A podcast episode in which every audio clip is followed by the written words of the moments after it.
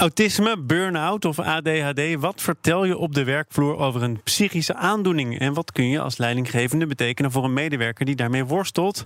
Lotte Elbrink zocht het uit in de ondernemersdesk Inclusiviteit. En daarom staat ze hier in de studio. Welkom. Hallo Thomas. Eén op de vijf werkenden kampt met een uh, psychisch uh, probleem. En uh, daar wil je op je werk over kunnen vertellen. Vraag ik dan maar even, of niet? Ja, de meeste mensen met een psychische aandoening... die willen daar iets over kunnen zeggen op het werk. Toch is het de vraag of je dat moet doen. Dr. Evelien Brouwers van de Universiteit Tilburg... deed onderzoek naar openheid over psychische problemen. En volgens haar is met de billen blootgaan niet altijd verstandig. Nou, er is geen één antwoord voor, wat voor iedereen geldt... Um, want het kan verschillen. Soms is het verstandiger om te vertellen en soms ook niet. Maar de leidraad is eigenlijk om uh, te kijken of het je werk beïnvloedt. En als het niet je werk beïnvloedt, uh, dan is het goed om zo min mogelijk uh, open te zijn. Terughoudendheid, dus begrijp ik hieruit. Wat is er mis met de eventuele openheid? Daar kleven volgens Evelien nog allerlei nadelen aan. Mensen krijgen vaak een stempel als, er over als ze erover vertellen. En zo'n stigma kan nog heftiger voelen dan de aandoening zelf. Uh, collega's hebben bijvoorbeeld allerlei vooroordelen, vaak onbewust. Uh, weten mensen dat je last hebt van depressies of denken ze dat je overspannen bent geweest, weten ze dat, dan denken ze al snel dat je niet zoveel aan kan. En dat heeft een negatieve impact op je carrière. Mensen met een psychische aandoening krijgen vaak ook een lager salaris of alleen tijdelijke contracten. Het kan gauw leiden tot dat je niet wordt aangenomen of dat je contract niet verlengd wordt of, of dat het op een andere manier negatieve gevolgen heeft uh, voor je carrière. Of dat mensen je anders gaan behandelen omdat ze bijvoorbeeld lagere verwachtingen van je ja, hebben. Dat is ook een, een boodschap voor werkgevers. Wat moeten die met deze kennis? Ja, als je beseft dat één op de vijf werkenden kampt met psychische problemen, dan vind je eigenlijk op iedere werkvloer wel een paar mensen die ermee worstelen. Dus werkgevers die, die moeten daar iets mee. In het onderzoek van Evelien geven de leidinggevenden ook aan dat ze ervoor openstaan om mensen met een psychische aandoening in dienst te nemen. En dat ze mensen graag willen helpen.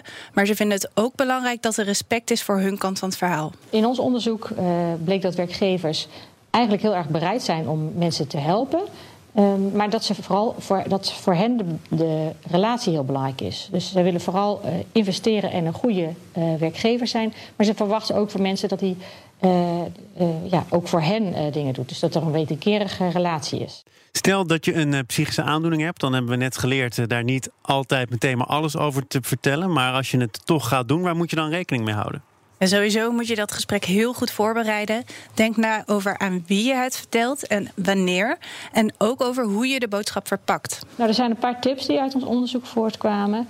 Um, bijvoorbeeld uh, dat het verstandig is om het niet uh, tijdens je sollicitatieperiode te zeggen, maar eerst een band op te bouwen en te laten zien wat je kan. Uh, en ook om selectief te zijn uh, en te kijken van wie kan ik nou vertrouwen met deze informatie en, aan, en wie kan mij, daar, kan mij ook helpen om dingen te regelen die, uh, die ik nodig heb om mijn werk vol te houden.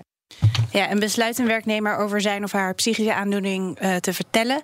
Probeer het dan vooral ook heel praktisch te houden. Ik denk dat het belangrijk is dat leidinggevenden vooral het gesprek aangaan over wat iemand nodig heeft om zijn werk goed te doen. En uh, dat het dus minder gaat over alle andere dingen. Veel mensen willen graag open zijn uit een verantwoordelijkheidsgevoel, vertellen daarbij heel veel dingen uit hun medische en persoonlijke verleden. En ik denk dat een leidinggevende, uh, dat het goed is als een leidinggevende een beetje erop aanstuurt dat het gesprek meer richting gaat. Wat heb je nodig om je werk te doen, dan wat er allemaal is gebeurd of wat er allemaal met je aan de hand is. Wat zou het een bedrijf opleveren als er over psychische aandoeningen wat openlijker gesproken zou worden? Ja, is er binnen een bedrijf een cultuur waarin mensen het idee hebben dat ze er open over kunnen praten, waarin er geen vooroordelen zijn, dan levert dat een positieve en meer inclusieve werksfeer op. Mensen kunnen zichzelf zijn, waardoor ze het werk leuker gaan vinden en beter gaan presteren. Het kan relaties verbeteren uh, in de werkomgeving. Mensen waarderen het vaak als je eerlijk bent. En uh, mensen kunnen ook beter je, uh, ja, je beter begrijpen en je gedrag beter plaatsen misschien als je een keer anders reageert. Maar het is ook heel fijn als je jezelf uh, mag zijn in je werkomgeving. Als je niet met een geheim hoeft uh, rond te lopen. Dus, uh, en natuurlijk kunnen er werkaanpassingen gedaan worden. Of kan je steun krijgen die je nodig hebt om je werk vol te houden. Dat was het voor vandaag. Maar morgen, Lotte, dan ben je er volgens mij weer. Klopt. Tot dan. Tot dan.